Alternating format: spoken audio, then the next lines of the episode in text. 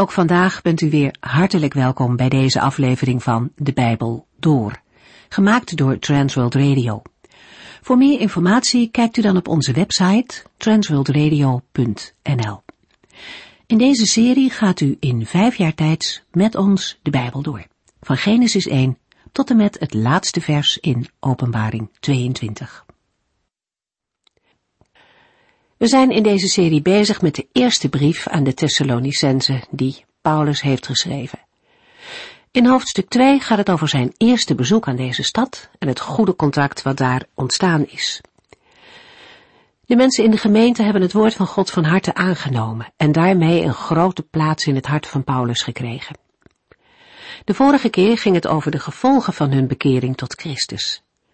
Zowel van hun Griekse landgenoten als van de Joden kregen zij het zwaar te verduren. En toch gaven ze niet op. Hun jonge geloof is sterk en ze blijven vertrouwen op de Heer. Paulus noemt vervolgens expliciet de houding van de Joden die proberen te voorkomen dat het evangelie van de Heer Jezus verder verteld wordt. Zij probeerden Paulus en de zijnen uit alle macht het zwijgen op te leggen. Maar ook de nieuwe christenen kregen van hun kant zware tegenstand. Hoewel Paulus er duidelijk over is dat God dat zal oordelen, hebben we de vorige keer ook gezegd dat hij en anderen nergens in de Bijbel oproepen tot haat jegens het Joodse volk. Integendeel, het feit dat andere volken nu deel hebben gekregen aan Gods genade, heeft als doel hun jaloersheid op te wekken, zodat ook zij zich tot God zullen bekeren. Deze gedeelten bepalen ons ook bij de vele gelovigen die in onze tijd lijden onder vervolging, waar dan ook in de wereld. We mogen bidden voor hen om veel vrijmoedigheid en kracht om vol te houden. Zoals het getuigenis van de Thessalonicense voor velen om ons heen, waaronder ook voor Paulus een bemoediging was, zo mogen de verhalen uit de leidende kerk ons ook aanmoedigen om dicht bij de Heerde te blijven. We zijn nu toe aan hoofdstuk 3 van deze brief. In de vorige uitzending hebben we gelezen dat de apostel Paulus blij is dat de Heer hem heeft gebruikt tot redding van de Thessalonicense. Aan het slot van 1 Thessalonicense 2 schrijft de apostel aan de gelovigen in Thessalonica, U bent onze trots en beloning. U geeft ons hoop en blijdschap bij de terugkeer van de Heer Jezus, zullen wij samen met u voor hem staan. En dat geeft ons grote vreugde. U bent onze erekroon. Deze bijzondere band tussen Paulus en de gemeente komt ook naar voren in 1 Thessalonicense 3. Het verlangen naar de Thessalonicense hebben Paulus en Silvanus ertoe gebracht Timotheus naar Thessalonica te sturen om de gelovigen te ondersteunen en te bemoedigen in de verdrukking en moeilijkheden, opdat hun geloof stand zou houden. Als Timotheus bij Paulus en de andere medewerkers terugkeert, heeft hij goede berichten te melden. En dat was een hele bemoediging en geruststelling voor de apostel Paulus. Het moedigt hem ook aan om steeds te blijven bidden of hij en zijn medewerkers de gelovigen in Thessalonica persoonlijk mogen terugzien, om hun geloofsgroei te bevorderen, met het oog op de wederkomst van Christus.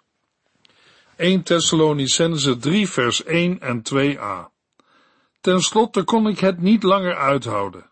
Het leek mij het best om zelf alleen in Athene achter te blijven en onze broeder Timotheus naar u toe te sturen.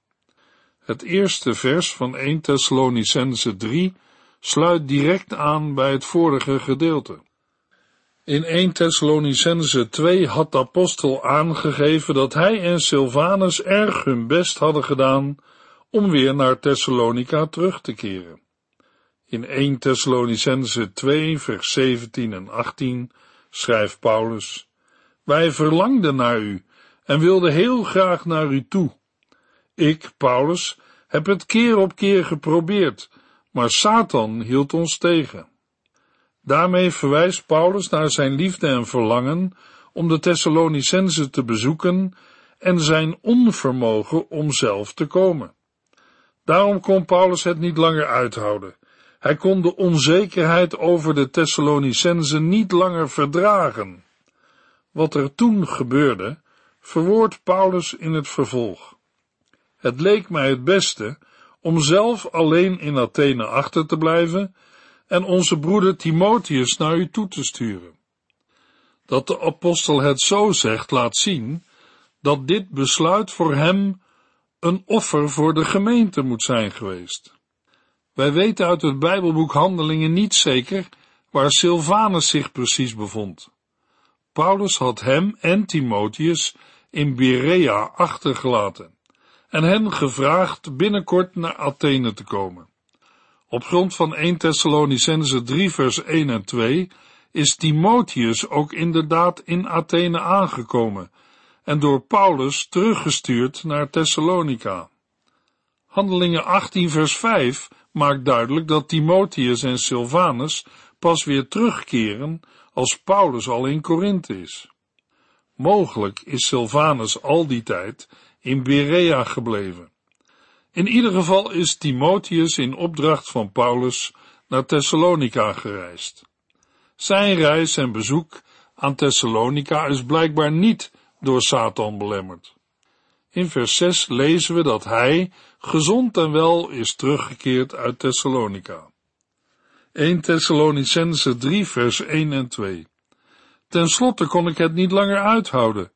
Het leek mij het beste om zelf alleen in Athene achter te blijven en onze broeder Timotheus naar u toe te sturen. Hij is een medewerker van God in de verbreiding van het goede nieuws van Christus. Ik heb hem gevraagd u te versterken en te bemoedigen. Paulus prijst Timotheus aan om de gemeente duidelijk te maken dat hij een waardige vertegenwoordiger van hem is. Paulus noemt hem ook onze broeder Timotheus. Behalve dat de apostel Paulus alle christenen, broeders en zusters of vrienden noemt, spreekt hij met nadruk over zijn medewerkers als broeders. Verder noemt de apostel Timotheus een medewerker of dienaar van God. Een diakonos is een aanduiding die werd gebruikt voor de zeven geschikte mannen die in Handelingen 6 werden gekozen om de twaalf apostelen te ondersteunen, zodat zij alle tijd hadden om erop uit te gaan om Gods boodschap door te geven. Behalve voor de zeven uit Handelingen 6 werd de aanduiding diakonos, medewerker of dienaar, ook gebruikt voor anderen die een taak in de gemeente hadden. Met de woorden, hij is een medewerker van God, zegt Paulus dat Timotheus niet moet worden gezien als een ondergeschikte van Paulus. De uitdrukking medewerker van God laat zien dat de Heere mensen inschakelt bij het volvoeren van zijn plan. Gods plan is het redden van mensen door de verkondiging van het evangelie. Timotheus is een medewerker van God in de verbreiding van het goede nieuws van Christus. Het geeft aan dat het werkterrein van Timotheus ligt in de verkondiging van het evangelie van Jezus Christus. Waarom de apostel Timotheus naar Thessalonica stuurt, legt hij uit in het vervolg. Het bezoek van Timotheus heeft als doel de gemeente te versterken en te bemoedigen. Het bemoedigen in het geloof wijst hier op het hele leven als christen. Het sluit aan bij wat Paulus zegt in 1 Thessalonicense 1 vers 8 over de zichtbaarheid van het geloof van de Thessalonicense. Waar wij ook komen, horen wij over uw geloof in God. 1 Thessalonicense 3 vers 3 Ik heb hem gevraagd u te versterken en te bemoedigen om te voorkomen dat deze moeilijkheden u van het geloof zouden afbrengen. Maar u weet natuurlijk wel dat zulke dingen een deel zijn van Gods plan met ons. Timotheus moet voorkomen dat het geloof van sommige gelovigen in Thessalonica zal gaan wankelen onder de druk van de moeilijkheden en vervolgingen. Dat is de inhoud van het versterken en bemoedigen. Het Griekse woord voor bemoedigen betekent erbij roepen, te hulp roepen, verzoeken, smeken, of twee, oproepen, vermanen en aansporen. En drie, vriendelijk aanmoedigen, troosten. Het vermanen wijst zowel op een situatie waarin het geloof wankelt, als op de oorzaak waardoor, namelijk door moeilijkheden of verdrukkingen. Het woordje deze moeilijkheden geeft meer nadruk. Het gaat om moeilijkheden, verdrukkingen, die zowel Paulus als de gemeente waren overkomen. Paulus gaat in het vervolg uitvoeriger in op het onderwerp. Waarschijnlijk had ook de boodschap waarmee Paulus Timotheus naar Thessalonica zond dezelfde inhoud. Met de woorden, maar u weet natuurlijk wel dat zulke dingen een deel zijn van Gods plan met ons. Bedoelt de apostel niet alleen de Thessalonicenzen, zijn medewerkers en zichzelf, maar alle gelovigen. De woordkeus van Paulus maakt duidelijk dat het onvermijdelijk en zelfs normaal is dat gelovigen worden verdrukt.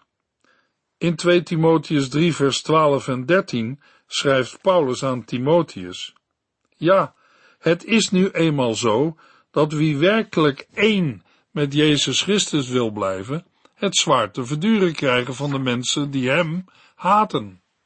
De slechte mensen en de valse leraren zullen steeds slechter worden en velen misleiden. Zij zelf worden op hun beurt misleid door de duivel. Net als in 1 Thessalonicense 2 vers 1 en 2 beroept Paulus zich op het feit dat de gemeenteleden deze dingen wel weten. Bij het lezen van vers 3 kan het als een verrassing overkomen dat we aan het slot lezen dat moeilijkheden en verdrukkingen een deel zijn van Gods plan met ons. Toch hoeft het een gelovige niet te verbazen. De oude Simeon had het al tegen Maria gezegd. Maar, waarschuwde hij Maria, er zal een zwaard door uw ziel gaan, want velen in Israël zullen zich aan dit kind ergeren, tot hun eigen ongeluk. Maar vele anderen zal hij de grootste vreugde geven. Hij zal de diepste gedachten van de mensen aan het licht brengen. De Heere acht moeilijkheden en verdrukkingen voor de groei van ons geloof nodig. We lezen het ook in 1 Petrus 1 vers 6 tot en met 9, waar Petrus schrijft, Wees dus blij. Er ligt iets heerlijks voor u klaar, ook al zult u het door allerlei beproevingen eerst nog een tijd erg moeilijk hebben. Door die moeilijkheden en problemen wordt uw geloof op de proef gesteld, zodat zal blijken of het echt is of niet. Want ook goud, dat kan vergaan en lang niet zoveel waard is als geloof, wordt in het vuur gesmolten om te zien of het wel echt is. Wel, als uw geloof het vuur van de beproevingen kan doorstaan, zal Jezus Christus bij zijn terugkeer geëerd en geprezen worden. Ook al hebt u hem nog nooit gezien, toch houdt u van hem. U vertrouwt op hem, hoewel u zich geen voorstelling van hem kunt maken. En u hebt een bijna hemelse blijdschap, omdat u erop vertrouwt gered te zullen worden. 1 Thessalonicense 3 vers 4 Want toen wij nog bij u waren, hebben wij u van tevoren gewaarschuwd dat wij moeilijkheden zouden krijgen. En dat is uitgekomen. Paulus werkt vers 3 nog verder uit. Verdrukt te worden is voor christenen niet vreemd.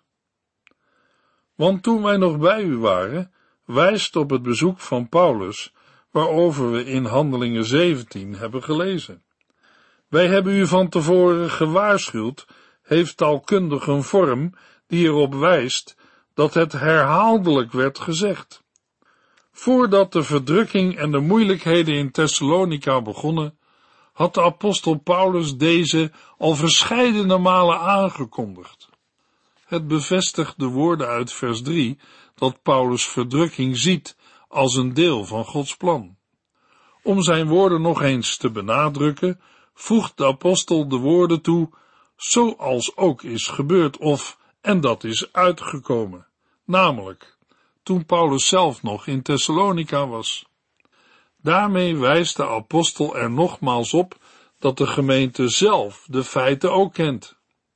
De gedachte dat lijden en verdrukking bij het christelijke leven horen, vinden we ook op meer plaatsen in de Bijbel. Vaak hebben moeilijkheden als doel om ons dichter bij God te brengen.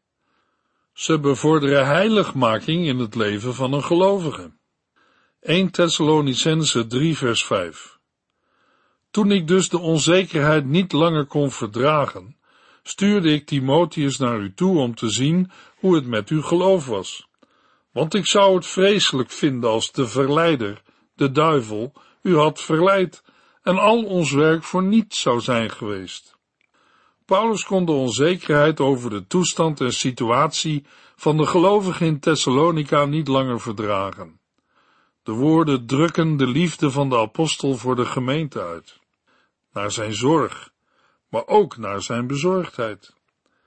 Wij kunnen mogelijk begrijpen waarom Paulus het niet meer kon uithouden.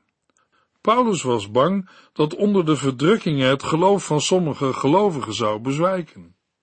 De apostel Paulus wilde daar zekerheid over hebben. De woorden, want ik zou het vreselijk vinden als de verleider, de duivel, u had verleid, geeft aan dat de verleiding al heeft plaatsgevonden. Verzoeking of verleiding is een aanval op het geloof of de gehoorzaamheid van een christen, om hem of haar tot zonde te brengen, of te verleiden door verloochening van Christus het lijden te ontlopen. Verzoeken of verleiden kan ook gewoon beproeven of testen inhouden. Met de verleider of verzoeker wordt Satan of de duivel bedoeld.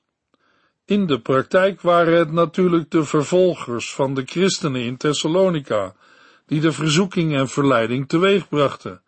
Maar Paulus ziet de achterliggende bron. Met de woorden al ons werk zou voor niets zijn geweest, wordt aangegeven dat de christelijke gemeente onder druk van de moeilijkheden en verdrukkingen helemaal had kunnen verdwijnen.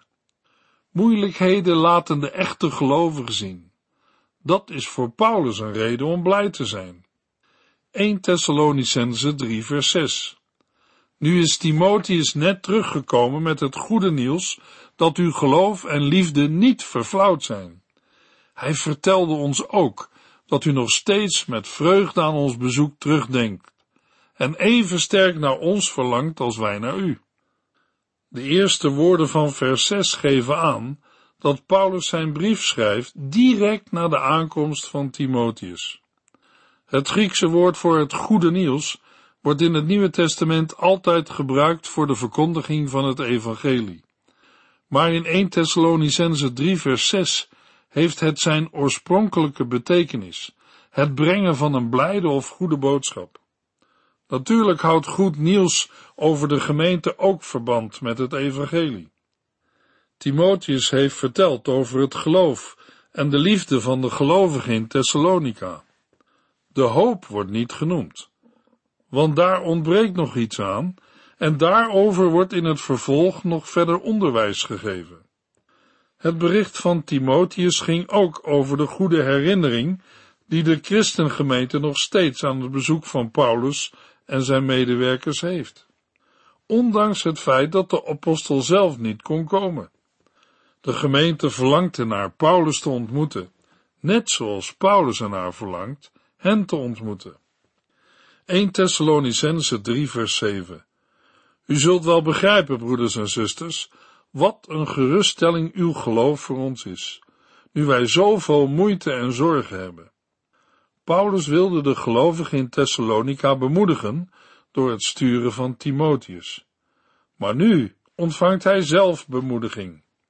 Terwijl Paulus in Korinthe verdrukking, moeite en zorgen ondervindt, is hij erg bemoedigd door het bericht uit Thessalonica, dat de gelovigen staande zijn gebleven. Moeite en zorgen betekenen in vers 7 hetzelfde, namelijk uiterlijke problemen en vervolging. Zoveel wijst op verschillende problemen, waarover het Bijbelboek Handelingen ons niets vertelt. Wel vermeldt Handelingen latere uitbarstingen van vervolgingen in Korinthe. Ook Paulus heeft bemoediging nodig, en de Heere bemoedigt hem met de goede berichten van Timotheus. 1 Thessalonicense 3 vers 8 Wij kunnen alles verdragen, zolang wij maar weten dat u zich niet van uw trouw aan de Heere laat afbrengen. Paulus ervaart de bemoediging en troost als een nieuwe impuls van kracht, een opleving. Meermalen beschrijft Paulus de gevaren van het leven als apostel als een voortdurend sterven.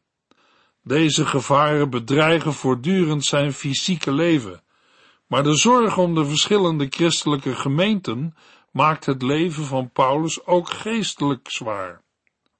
In vers 8 geeft de apostel aan dat nu hij weet hoe het met de gelovigen gaat, hij er ook zelf beter tegen kan. Trouw aan de Heere betekent geloven in ruime zin van het woord. Namelijk geloven in God en Jezus Christus, maar ook leven als christen, staan in het geloof. Het staat tegenover van het geloof afbrengen uit vers 3.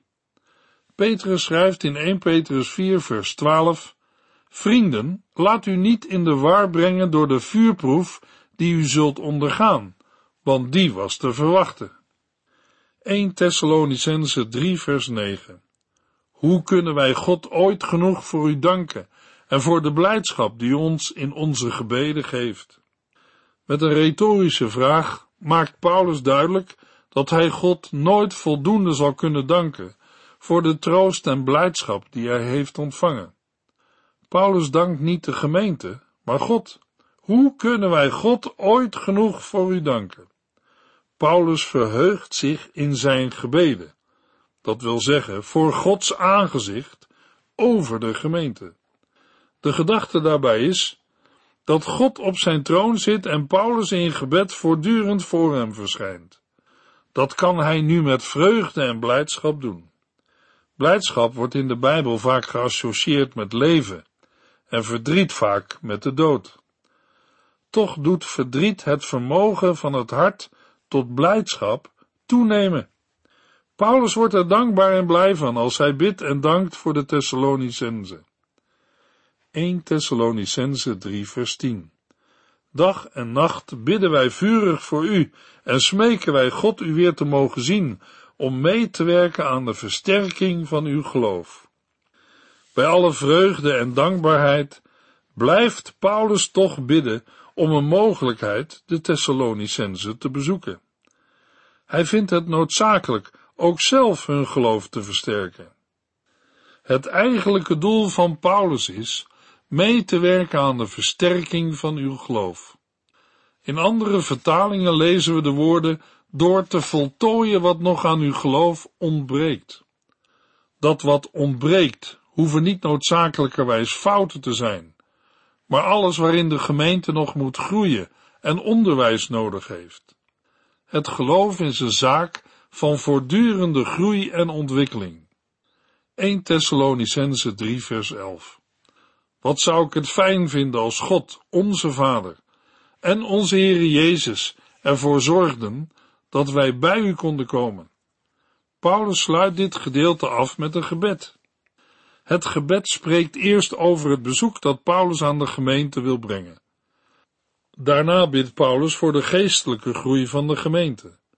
Met de woorden God onze Vader en onze Heer Jezus laat de apostel zien dat hij God de Vader en de Heer Jezus als een eenheid ziet. Paulus bidt om een mogelijkheid om naar Thessalonica te mogen komen. Volgens Handelingen 20 is Paulus nog twee keer door Macedonië gereisd. We mogen aannemen dat zijn gebed is verhoord en hij Thessalonica heeft kunnen bezoeken. 1 Thessalonicense 3 vers 12 en 13 Het is onze grote wens dat de Heere uw liefde voor elkaar en voor anderen zal laten groeien en overvloeien, net als onze liefde voor u. Mijn gebed voor u is dat onze God en Vader uw geloof sterk zal maken, zodat u op de dag waarop de Heer Jezus terugkomt, met alle die bij hem horen, sterk, zuiver en heilig zult zijn.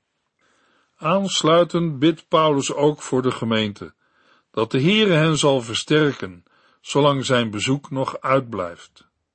Zal later groeien en overvloeien geven beide een vervulbare wens aan. Beide werkwoorden betekenen ongeveer hetzelfde en versterken elkaar.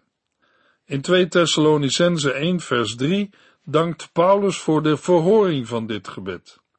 De al aanwezige liefde moet groeien. de liefde tot elkaar en de liefde tot alle mensen, ook ten opzichte van de niet-christenen. Het laatste gedeelte van vers 12 heeft geen werkwoord. We moeten het zelf aanvullen, bijvoorbeeld, zoals ook wij overvloeien in liefde voor u. Ook lijkt overbodig, maar geeft aan dat Paulus en zijn medewerkers zich ten voorbeeld stellen aan de jonge gemeente. Het doel van het toenemen van de liefde is het versterken van de harten van de gelovigen. Het hart is de zetel van denken, willen en voelen.